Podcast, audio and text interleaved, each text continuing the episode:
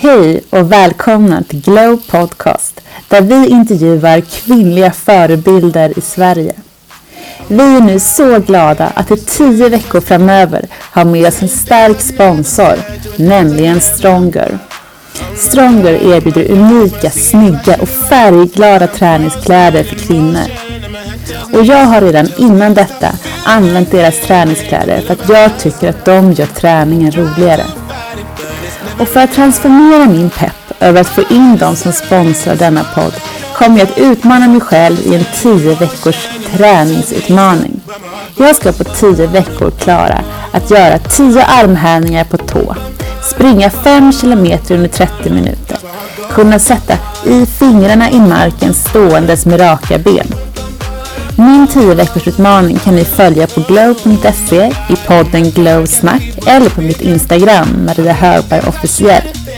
Och vill ni också känna er bekväma i Strongers fantastiska träningskläder så gå in på deras hemsida stronger.se och givetvis har vi en rabattkod. 20glow ger er 20% rabatt på ert köp. Nu blir vi starka tillsammans och kanske vill ni också sätta upp en 10 veckors utmaning utifrån dina förutsättningar. Men nu är det dags att rulla intervjun med Charlotte Kalla en stark, lysande förebild. Marina Charlotte Kalla, född 22 juli 1987 i Pajala. Hon är en lysande stjärna inom svensk längdskidåkning och med två OS-guld och ett VM-guld är hon den första svenska kvinnliga längdskidåkaren att vinna individuella guld i både OS och VM. Kalla är med sina nio OS-medaljer Sveriges främsta kvinnliga olympier genom alla tider. Efter år 2008 belönades Kalla med Jerringpriset sedan hon som första svenska längdskidåkare vunnit tävlingen Tour de Ski.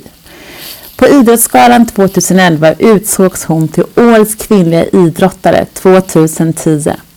Men hennes karriär är långt ifrån över och hon har mer att ge, mer att bevisa. Och i intervjun som äger rum några veckor innan säsongen drar igång pratar vi om det och mycket annat.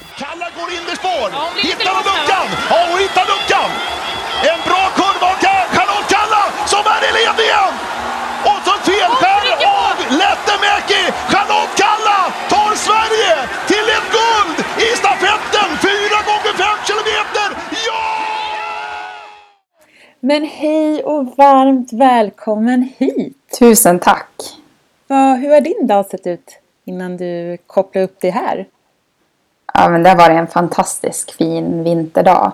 Jag åkte bil till Saxnäs igår kväll och möttes av snötyngda granar och tallar och riktigt vinterväglag. Och när jag steg upp i morse och hade fått äta frukost så var det inget som gjorde mig besviken när jag fick eh, spänna på skidorna och ta mig an dagens första träningspass. Och, ja, det är så himla vackert här just nu. Ja, jag kan verkligen, alltså vi har ju, jag sitter ju i Stockholm och det är ju bara grått, blött och trist. Snö har ju nästan blivit liksom exotiskt nu. För det är så ovanligt här nere för oss. Ja. Och här är det liksom natursnö jättemycket som ligger både i skogen och ja, gör att vi har fantastiskt fina skidförhållanden här. Och så hade det snöat lite i natt så Stefan som har hand om både hotell och pistmaskin och ibland står han i köket. Han hade varit ute och preparerat spåren åt oss. Men gud vad härligt. Och jag tänkte vi skulle börja med att checka in. Där så tänkte jag fråga dig då, hur mår du idag på en skala 1 till 6? Då kan jag tänka mig att det ligger ganska högt då. Ja, men det gör det. Alltså det måste vara en femma. Mm. Jag är så himla glad där jag är just nu. Eh, tillsammans med de andra landslagskompisarna. Och, ja, men, jag vet att jag har en vecka med jättemycket härliga träningspass framför mig. Det var lättfört idag. Vi får äta god mat. Ja, och det känns som att man eh, har inte så mycket andra moment som lockar när man befinner sig på ett läger på, och på ett sånt här ställe som Saxnäs. För här eh, finns det tid för återhämtning och inte så jättemycket andra aktiviteter som lockar. Nej. Känner du att du har återhämtat dig nu? För du drabbades väl av covid-19, eller hur? Ja, precis. Jag hade varit på ett träningsläger i Vålådalen och kom hem och hade en fin träningsvecka hemma i Sundsvall. Men eh, där strax innan vi skulle åka iväg på nästa läger så började jag känna mig hängig och tog ett test och fick konstaterat att det var covid. Mm. Eh, sen var jag inte särskilt sjuk eller så. Eh, jag hade feber en dag men hade jag inte tagit tempen hade jag nog inte reflekterat över att jag hade eh, för hög kroppstemperatur utan det var mer när jag fick se en siffra på svart på vitt. Bara, Jaha, okej. Okay. Det här är inte som det ska. Och sen var det lite ledvärk och eh, ont när jag kikade åt sidan. Men annars så, jag försökte att sova och ligga i sängen. Men eh, det var inget som min kropp hade något behov av. Så istället eh, eh, valde jag att promenera varenda dag som jag hade symptom. Inga långa men eh, försöka hålla i rutinerna. Så sex dagar med symptom men desto längre innan jag har fått eh, börja träna mer ordentligt.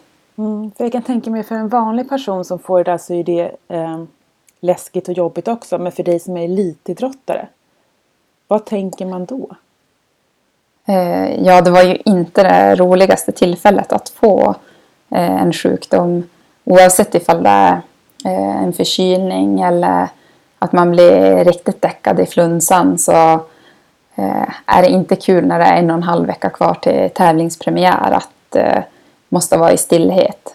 Eh, sen i början var det mest oro för att jag hade smittat personer jag hade träffat innan det bröt ut. Hur långt tillbaka eh, är det möjligt att bära vidare smittan? Eh, det var ganska jobbigt att ha kontakt med dem och fråga varje dag. Hur mår du idag? Mm. Är det något som är onormalt? Och en himla lättnad när de sen eh, det visade sig att de inte skulle bli dåliga.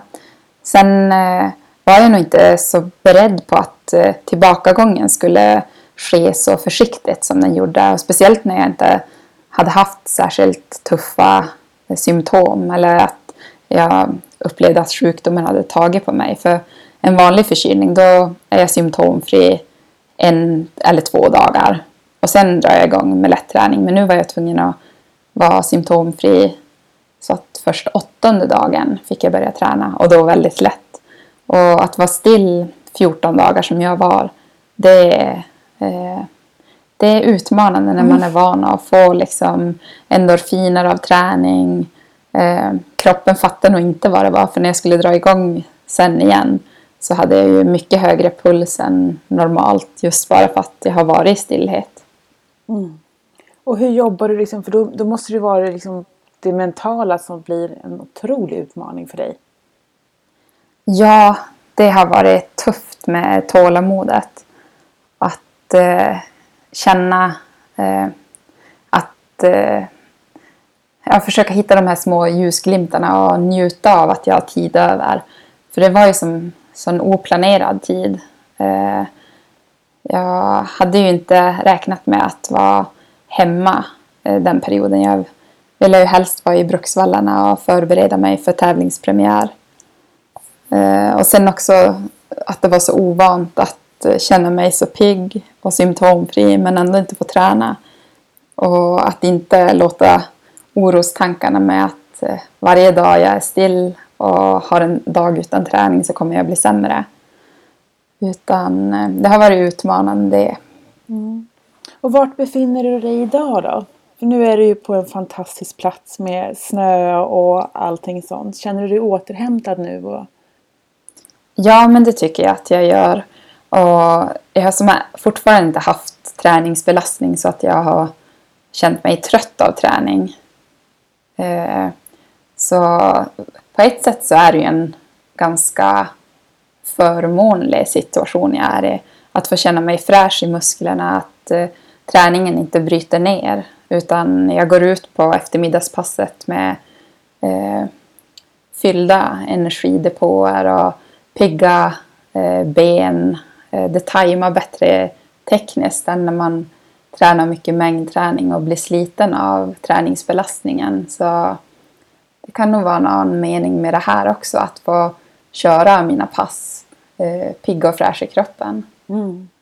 Det är ändå skönt att du liksom har kommit dit, för vissa kan ju få det så otroligt långdragna ja, efteråt. Ja, men jag är jätteglad att eh, det var så lindrigt eh, perioden som jag var sjuk, att det inte letade sig ner i lungorna eller så. Mm, verkligen. Och du är ju med här idag för att du framröstad till en av årets kvinnliga förebilder 2021 och du var även med på listan 2020.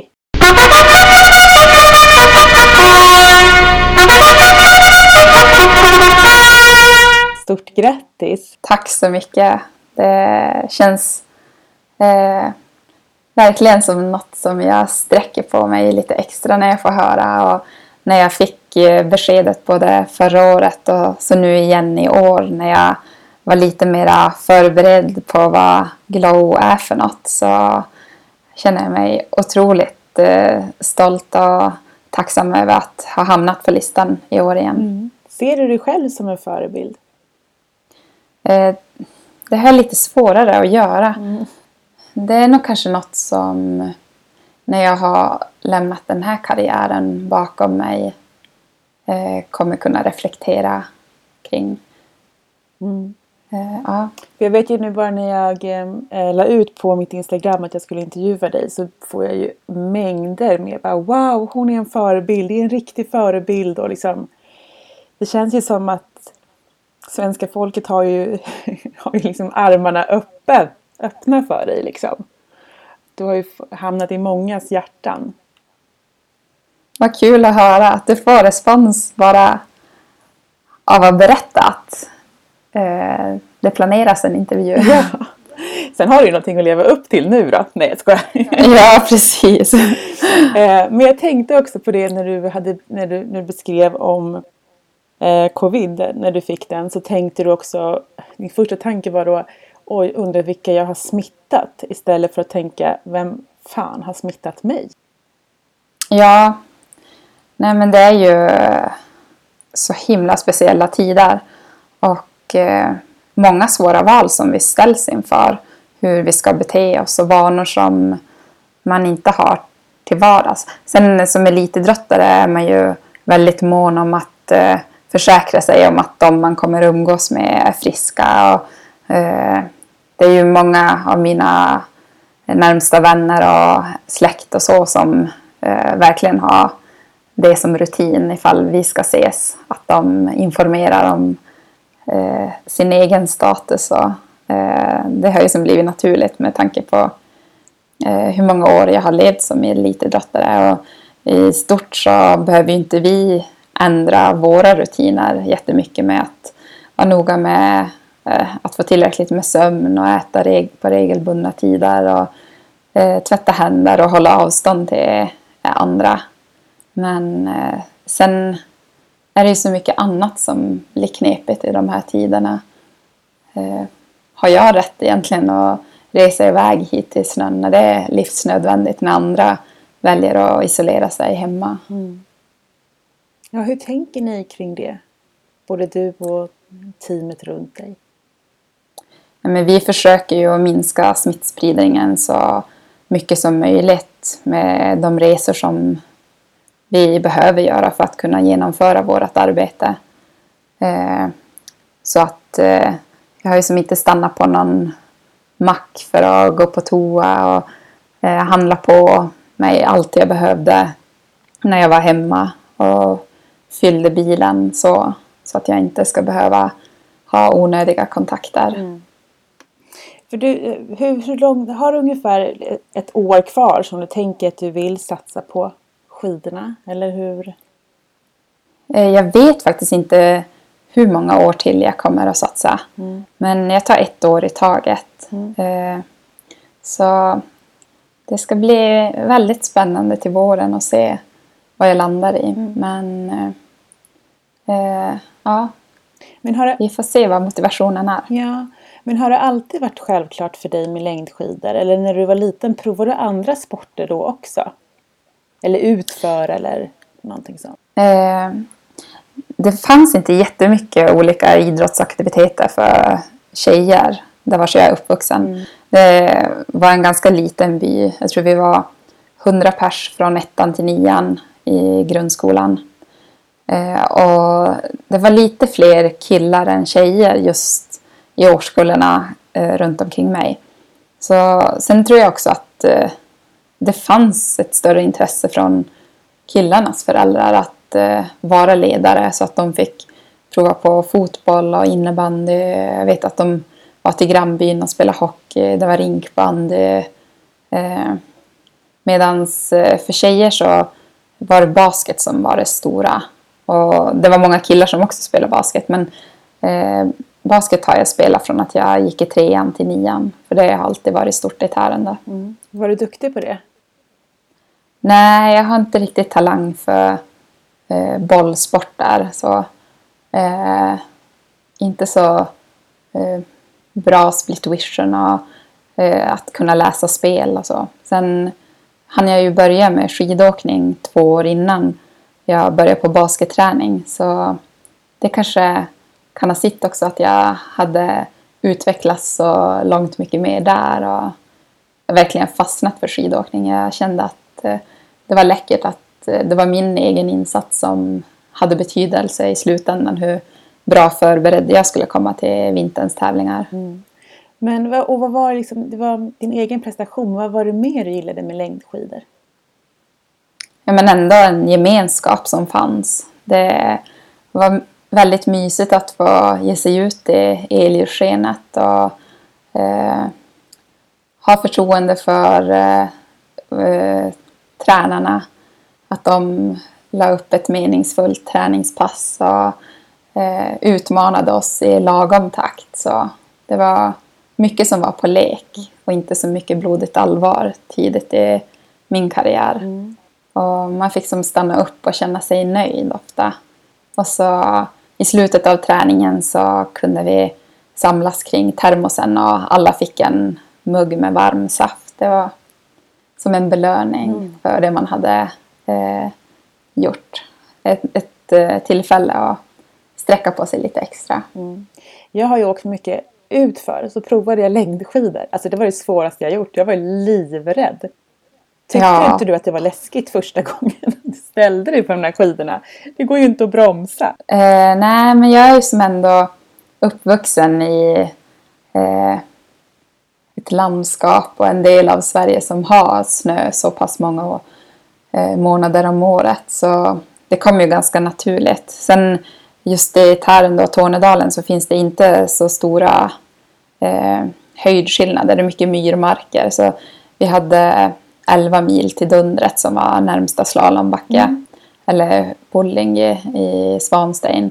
Så eh, i och med att vi inte hade någon fjällstuga eller så heller. Eller åkte på semestrar till eh, alpinorter så eh, åkte jag. Ja, det var en, eh, kanske för tre, fyra år sedan som jag skaffade min första alpinutrustning. Och innan dess så var det sporadiskt. Även när man hade dagar med skolan som vi besökte Dundret. Så jag fick ju som aldrig någon kontinuitet i utförsåkningen. Så längd har alltid varit mest naturligt för mig. Mm.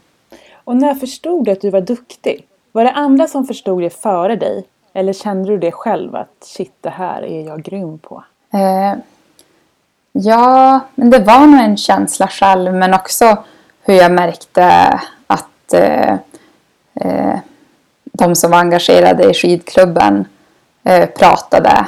Och när man lite senare fick börja åka på tid och blev placerad i en resultatlista så märkte jag ju att jag tog kliv framåt från att eh, från början läsa mitt namn. Eh, då var det enklast att börja liksom längst bak och arbeta sig uppåt till att jag successivt eh, tog kliv framåt. Och sen just i min hemby Tärendö så var jag ju eh, rätt duktig från början och kunde vinna skolskidtävlingar eh, från första klass. Mm. Och när, liksom, när, kom, när, när kom du på att du ville satsa på längdskidor? Jag kan som aldrig komma på att jag har tänkt tanken att sluta åka längdskidor. Inte under min uppväxt. Så. Men det blev väldigt tydligt när jag skulle välja gymnasium. Och redan där i åttan när jag förstod att under årskurs nio så kommer man behöva resultat. Så sommaren innan nian tror jag jag tränade mer efter ett schema än vad jag någonsin hade gjort. Satte upp det schemat själv då eller fick du det av eh, någon tränare eller så? Nej, det var faktiskt en kompis som är fem år äldre som hade gått basketgymnasium och flyttat hem till Tärendö. Som hon och jag tillsammans gjorde träningsschemor. Och det kunde vara lite allt möjligt. Eh, vi fick ett nytt gym som öppnade i byn med ny fräsch utrustning och jag hade åldern inne, jag var 15 år så jag fick börja gå på det. Och vi kunde åka både rullskidor och inlines och cykla och springa. Och jag vet att eh, någon höst så körde vi hopprepsintervaller också. För att hon hade fått något bra program med sig från basketgymnasiet. Så det var lite annorlunda träning, allt möjligt. Mm. Och när du kom, då var då var innan du skulle börja nian som du körde det här. Ja. När du, när du liksom började nian då? Hur gick det liksom? Var, kom du dit i så superform då? Eller?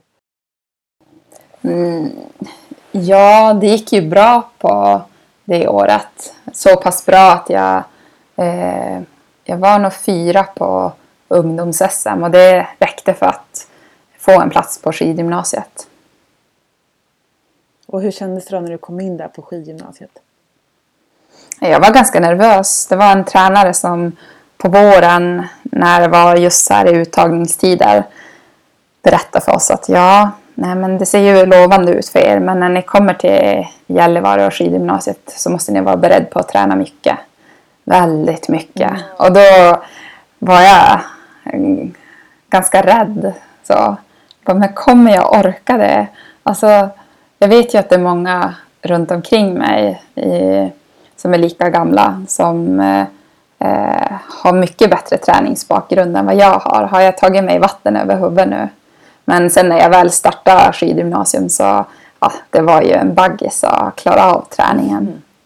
Du hade förväntat dig mycket mer än vad, än vad som faktiskt kom? Ja, jo, men jag hade oroat mig mer än vad som egentligen var befogat. Men jag tror att det är bra att eh, bli nervös och ha respekt inför något som man inte har gjort tidigare. Det gör ju att man skärper sig lite extra och det var ju en eh, grym lättnad sen när jag insåg att ja, men det här kommer jag att klara av. Men sen var det inte en handvändning att öka på träningsmängden samtidigt som man flyttade hemifrån och började en ny skola, började gymnasium och skulle ta hand om både matlagning vissa dagar och tvätt och hålla ordning i lägenheten och städa. Och, ja, inte ha mamma eh, där som kunde hjälpa mig med läxorna. Mm. Hur gick det då? Nej men det gick väldigt bra. Eh, jag tog stora kliv när jag eh, flyttade till eh, Malmberget och eller skidgymnasiet i Gällivare. Och eh, kanske inte de bästa loppen i början på säsongen men jag växte in och eh, ja, jag tror jag slutade tvåa på junior-SM och tog min första eh, nationella mästerskapsmedalj. Det var stort. Mm. Och sen då, liksom, när, när tog din karriär fart på riktigt? Det var nog när jag tog junior-VM-guld i trean. För det öppnade dörren till att eh, landslagstränarna Inge Bråten och Joakim Abrahamsson valde att eh, plocka med mig i landslaget den kommande säsongen. Så från maj till november fick jag träna med Sveriges bästa. Och det gjorde att jag verkligen fick veta var nivån låg. Och sen senare eh, under tävlingssäsongen. Vi går fyra år när man går skidgymnasium för att eh, man ska ha tid för träning.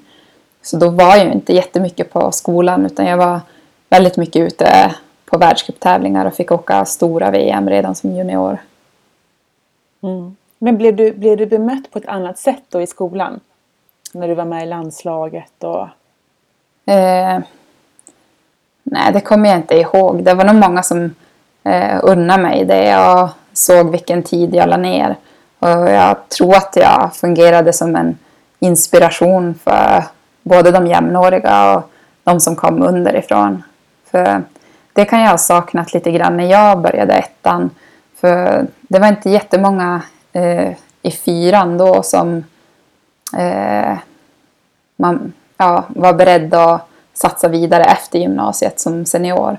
Utan många hade ett extra jobb vid sidan av och hade mer börjat trappa ner. Så det var kanske inte de eh, jag hade som förebild i träning utan jag hade tur att det var en kille i klassen över mig som verkligen var seriös och beredd att träna mycket och eh, göra saker rätt runt omkring. Så Mats betydde mycket för mig när jag började skidgymnasium. Mm. Men hur, hur liksom tänkte du att det var möjligt då utan, liksom, utan förebilder? Liksom, vad var det som fick dig att satsa så hårt? Men jag tror att det betyder mycket också just eh, gruppen som startade eh, på skidgymnasiet samtidigt som mig. Vi var eh, tre, fyra stycken som verkligen eh, ville ge det här en chans. Och det behövs inte så många fler för att eh, känna att man eh, är i en vinnande miljö. Och, eh, jag fick komma till tuffare träningsterräng i Malmberget jämfört med hemma i Tärendö. Eh, jag fick träning på schemalagd tid. Det var ju hur lyxigt som helst. Och så en egen tränare som jag kunde eh, bolla träningsplanering med. Mm. Men hur svarade din kropp på en så mycket ökad träning? Eh, ja, men där i början på säsongen så åkte jag kanske inte fortast. Men det var som att eh, det, jag växte in i säsongen och eh, ja, kanske just att eh, träningen hade varit så lekfull och inte allt för tuff fram tills att jag började gymnasiet eh, gjorde att eh, jag kunde ta åt mig, eller motivationen var ju otroligt hög till att genomföra träningen på ett bra sätt. Mm. Och sen kommer vi ju till 2008 och Tour de Ski när du liksom på ett brutalt sätt tar dig upp för den här backen.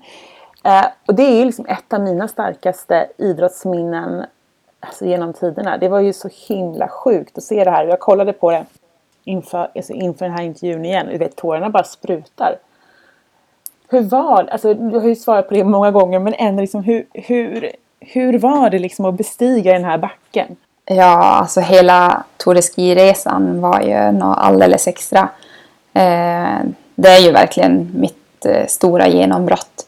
Och just eh, känslan av att överraska mig själv dag efter dag. Det var nog obeskrivligt. Det gav så otroligt många kickar och mycket energi. Och det var som att jag bara ja, småskrattade mig genom hela veckan. Bara, men är jag så här bra? Jag hade ingen aning. Jag visste inte att jag var i så bra slag när jag drog ner dit. Och, men det är ju superläckert just att uh, kunna leverera bättre än vad man själv trodde var möjligt. Så att andra blev imponerade, det var som sekundärt. Men att jag själv bara, men alltså, nyp mig i armen, kan det kännas så här bra?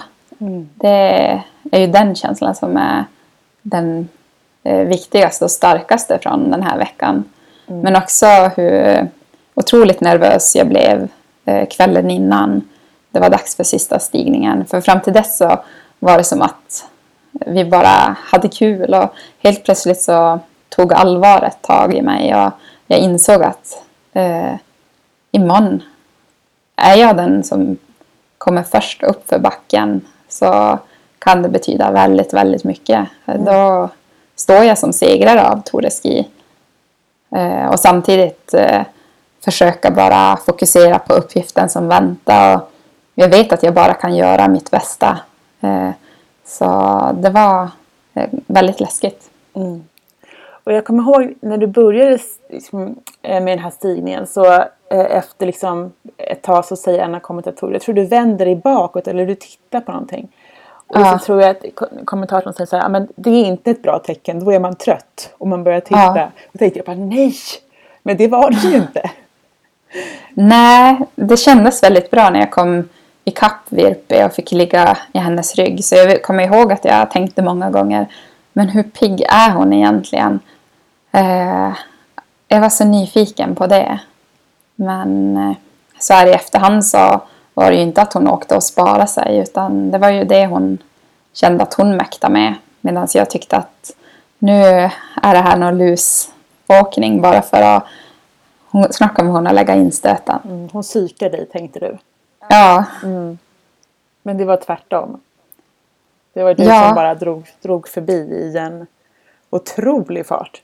Ja, så var det ju också väldigt speciellt i och med att vi ofta brukar kunna åka, eller alltid åka tävlingsbanorna innan. Och det här hade vi ju bara sett på en karta, på ett papper, hur det skulle se ut. Så man var ju inte alls säker på hur långt man hade kvar. Nej. Och hur känns det då? För då, liksom, när kroppen kanske reagerar bättre än vad du kan tänka dig. Alltså när helt plötsligt så bara kör du liksom och kroppen funkar. Det var, som jag var mest nyfiken på var ju hur Virpi skulle reagera. För jag var ju övertygad om att hon hade hur mycket krafter kvar som helst. Men eh, eh, samtidigt så kan jag ju inte lägga fokus på henne utan jag var ju tvungen att fokusera framåt på min eh, uppgift. Och, eh, när jag väl hade bestämt mig att köra då fanns det ju som bara mållinjen där framme. Och jag visste att jag kan inte bara köra på i 30 sekunder utan har jag väl lagt in en högre växel så behöver jag vara i det här slitet och smärtan hela vägen över mållinjen. Och jag hörde i en annan intervju att det är liksom när du är i smärtan så, vet, så är det en, en, också en behaglig känsla för dig för att då vet du att du är på max. Liksom, eller att du presterar på en hög nivå. Ja men precis, det är ju verkligen ett kvitto när man ligger där över mjölksyratröskeln att eh, nu jobbar min kropp som mest effektivt. Jag behöver vara här för att jag ska kunna nå bästa resultatet, få ut max av min kapacitet. Mm, det är möjligt att det gick för snabbt ett tag där, att hon fick en riktig mjölksyrachock som inte har släppt. Men eh, ja, jag tycker att hon... Nu kommer hon! Nu kommer rycket! Nu går hon upp jämsides och så tar hon den där Jajamän! kurvan Lätt! och eh, hon har 10 meter. Hon har 10 meter direkt och vilken tempoväxt nu! Det är en helt annan... Var får hon krafterna ifrån? Var får hon krafterna ifrån? Titta! Nu är det full fart hela vägen in i mål. Oj, oj, oj, oj, oj! Turbon har hon slängt i. Och Kuitunen är fullkomligt chanslös. Och vad hände efter det loppet? För då blev det ju liksom Charlotte Kalla med hela svenska folket och helt plötsligt så kan, liksom, vill alla ha en bit av dig. Då är det kanske inte bara skidåkningen utan då, som jag kan tänka mig att det blev en hel cirkus runt det efter det. Ja, det var verkligen väldigt speciellt att resa hem bara och se att eh, kvällstidningsbilagor delas ut. Det var så jag sitter eh, som tvååring på en stol och kikar på alla i det här planet och att landa på Arlanda och mediauppbådet som var där. Och så trodde jag väl att det skulle kanske avta men just eh, det här blir man ju påmind om så många gånger senare det året. Och inte bara när tävlingssäsongen är igång utan även på våren och eh, sommaren. Och det blir förfrågningar från höger och vänster från människor och eh, sammanhang som man inte hade någon aning om. Men får du ta någon, liksom, har du fått något så hat eller någon kritik eller så mot dig riktat? Eh, nej, det är väldigt sällan som någon kommer fram direkt till mig. Och, men eh, jag tänker att på sociala medier så blir det nog mycket. Och nu tror jag att det även kan vara prat och så. Att nej men, är hon inte slut nu? Men det är ju väldigt få som är beredda att säga det eh, öga mot öga. Det är ju mest alltså, bara massa kärlek som jag får. Även på sociala medier. Det är ju helt galet vilken respons. Och, så det är lite klurigt. Eh, även fast jag har levt i det här väldigt länge. Så vet jag inte alltid hur jag ska hantera eh, just att det finns många som tycker saker. Så. Och att jag vet att det egentligen det viktigaste för att jag ska må bra det är att jag tycker bra saker om mig själv. Hur jobbar du med det då?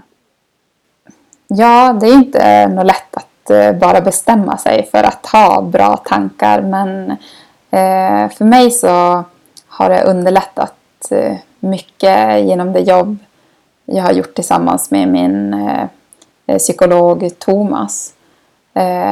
Och det handlar mycket om att prata och försöka sätta ord på mina tankar och de känslor som blir kopplat till det.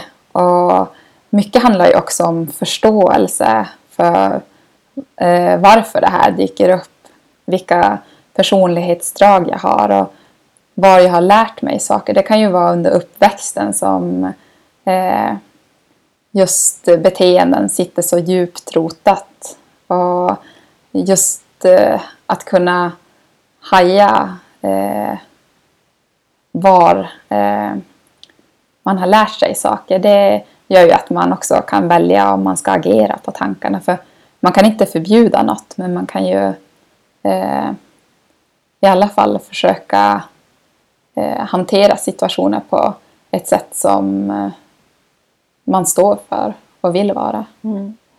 Men, men när du är inne i ett, ett lopp, hur mycket jobbar du med liksom att slå bort tankar som inte får komma? Eh, ja, man kan ju inte förbjuda dem som sagt. Men däremot så kan man ju välja att inte ge dem lika mycket energi. Så det är ju alltid att jag har en plan med hur jag vill lägga upp loppet. Vilken strategi jag behöver ha eh, för de olika partierna. Det kan ju vara eh, en väldigt flack bana där vars det gäller att få med sig tajmingen i fyrans växel om vi åker skate till exempel. Eller är det klassiskt så kanske jag ska eh, ligga på på stakåkningen och försöka hitta träffarna där. Att jag verkligen eh, låter armbåge möta knä. Att det kan vara rent tekniska instruktioner som jag ger till mig själv. Eh, eller så är det bara att jag behöver påminna mig om att jag är stark, jag är uthållig, jag ger mig aldrig. Att det är sådana ord som behövs för att eh, prestera på topp. Mm. Och har du liksom eh, träffat någon skidåkare som har kanske de fysiska förutsättningarna men som mentalt inte är duktig på att, vad ska man säga, peppa sig själv eller så? Har du sett att det finns sådana skidåkare som inte lyckas på grund av att de inte liksom får tankarna att gå rätt? Men det möter man väl eh, lite här och där, tänker jag, i livet. Att eh, man ser eh, människor som inte får ut sin fulla potential för att eh, de har alltför självkritiska tankar. För samtidigt som jag vet att eh, kritiken som jag ibland kan ha mot mig själv, det är ju också det som är drivkraften och som får mig att fundera varför jag gör det här och är det något som jag kan slipa på och göra ännu bättre. Jag vet ju att den behöver finnas där men visst kan det finnas tillfällen när det blir alldeles för mycket av den så att det inte är främjande utan bara destruktivt. Eh, sen är det ju så himla svårt att eh, se det hos andra och vad det eh, innebär för dem. Men jag tänker typ i fotboll så kan man ju jobba, i hockey kan man jobba lite med psykning när man, när man är i närkontakt liksom. Jobbar Ja. man med psykning även i längdskidåkning? Att man viskar Nej, det upplever jag verkligen.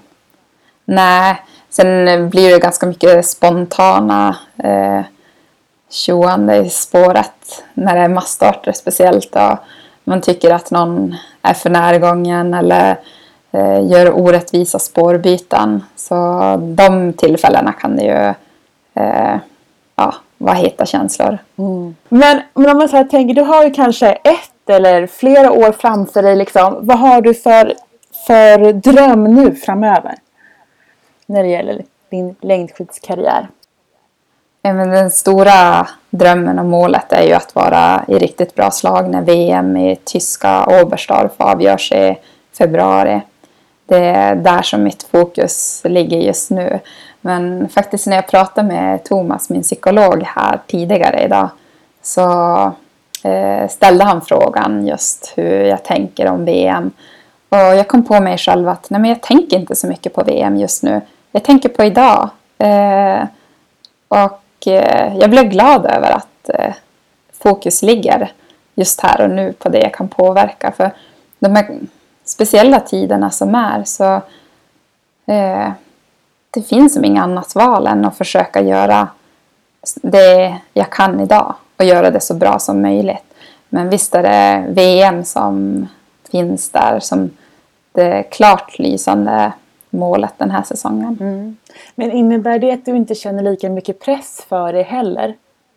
Nej, mer bara att jag har en stor inspiration och motivation till att eh, göra eftermiddagens klassiska pass så bra som möjligt. Eh, att jag känner mig förberedd, jag har vallat mina skidor, jag kör min påkoppling innan jag ska ut och sen när det väl är dags för impulser ska jag verkligen bara ha fokus och ficklampan tänd på eh, vad jag behöver eh, åstadkomma för att ta mig så fort som möjligt från start till mål. Mm.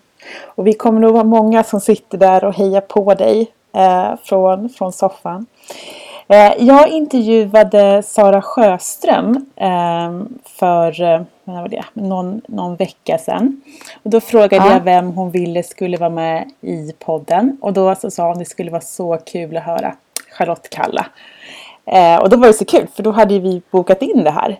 Så då, Men vad kul! Ja, och, att hon önskar mig. Ja, och då så frågade jag om hon hade någon fråga till dig. Ja. Och det hade hon kan ju fråga hur det är liksom och hon har också varit aktiv eh, och, och tävlat under väldigt, väldigt många år nu. Hon mm. slog igenom 2007.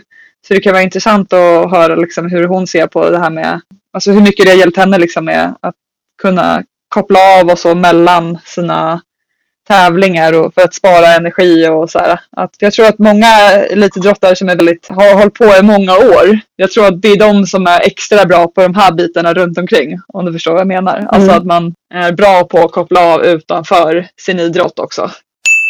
Ja, men det handlar ju väldigt mycket om att eh, få omge mig med de personer som eh, jag trivs med. Som jag kan slappna av och berätta både tuffa eh, saker och skratta tillsammans med. Och eh, att jag försöker skala av så mycket som möjligt runt omkring och sänka förväntningarna eh, kring hur man träffas i de eh, sammanhangen. Det behöver som inte vara så komplicerat för att eh, få till det där eh, mötet. Och, men som nu i de här speciella tiderna så eh, är det viktigt för mig att få ta ett telefon eller Facetime-samtal så om man inte kan träffas. Eller att man kan ses utomhus. Så då behöver det inte vara mer avancerat än en påse tunnbröd och korv och en eld. Mm. Men känner du att det spar energi från dig också som du kan få ut i träning sen? Ja, man skulle ju kunna göra det hur avancerat som helst och konka ut en morika på den mest eh, spektakulära eh, grillplatsen. Eh, men att tänka till, vad är det jag egentligen vill ha ut av det här? Jo, men det är ju umgänget. Så eh, man blir lite snabbare kanske till eh, vad man har för något syfte och vad som är grundläggande eh, viktigt för en. Mm. Bra!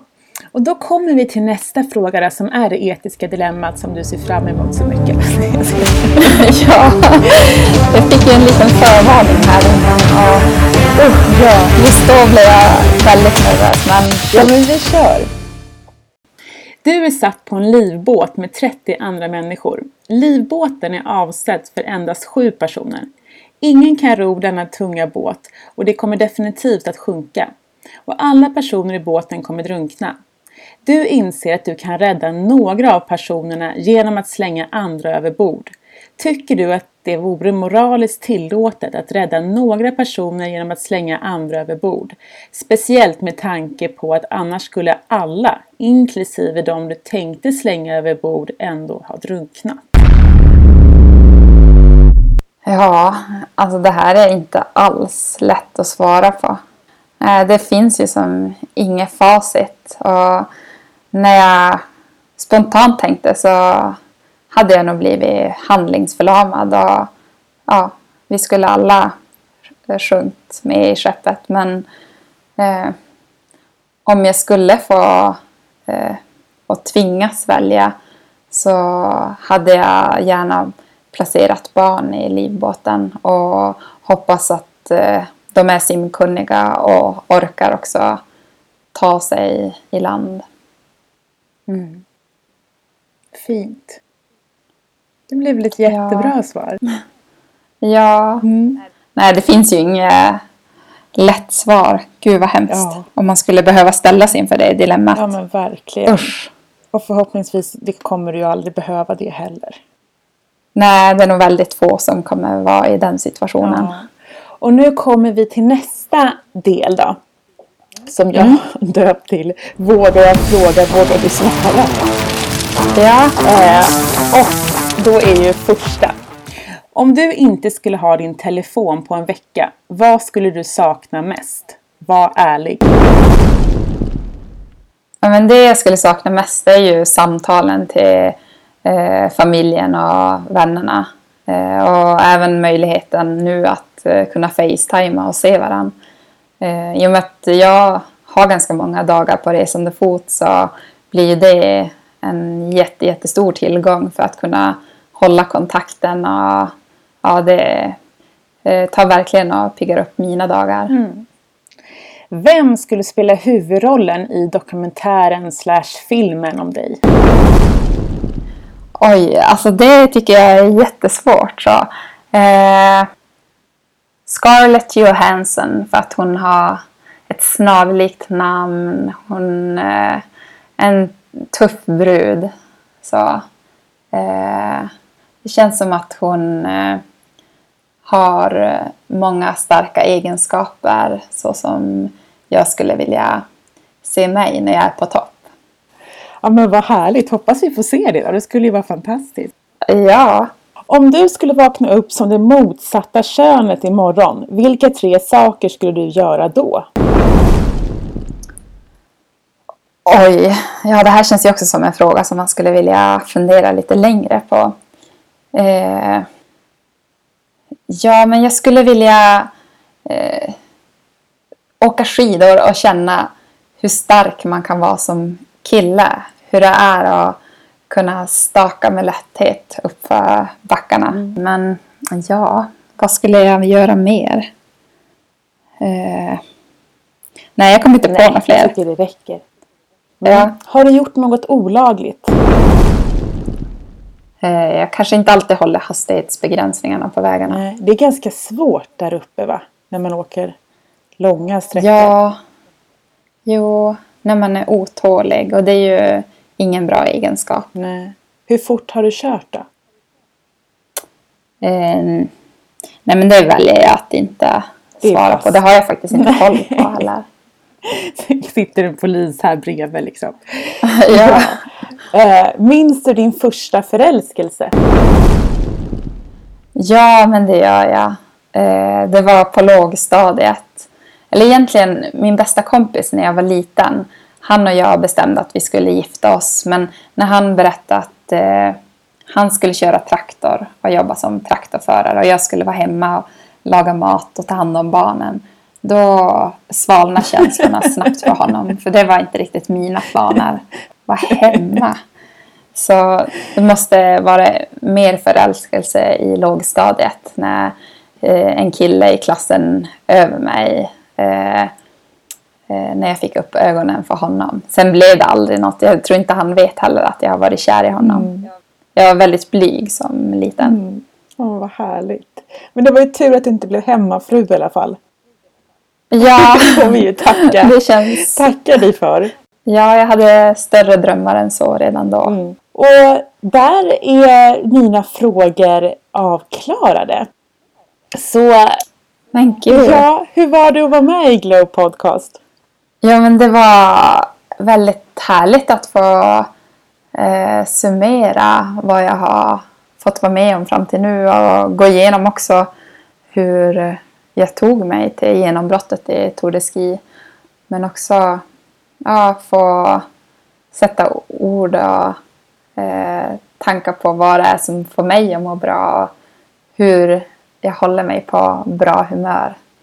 Det är viktiga frågor. Mm, verkligen. Och vem skulle du vilja ha med i Glow Podcast? Oj, gud vad härligt att få önska. Eh, jag skulle vilja ha med Emelie Forsberg. Hon är ultralöpare och heter Tina Emelie på Instagram. Och vad skulle du vilja fråga henne? Eh, vad hon gör för att hitta balans i tillvaron som ganska nybliven mamma. Jag tror hon är gravid med sitt andra barn just nu. Hur hon hittar balans i livet? Ja, Ja, bra fråga. Men då får jag tacka så himla mycket för att du tog dig tid att vara med här. Eh, Och sen så håller vi bara tummarna då för februari. ja men tusen, tusen tack.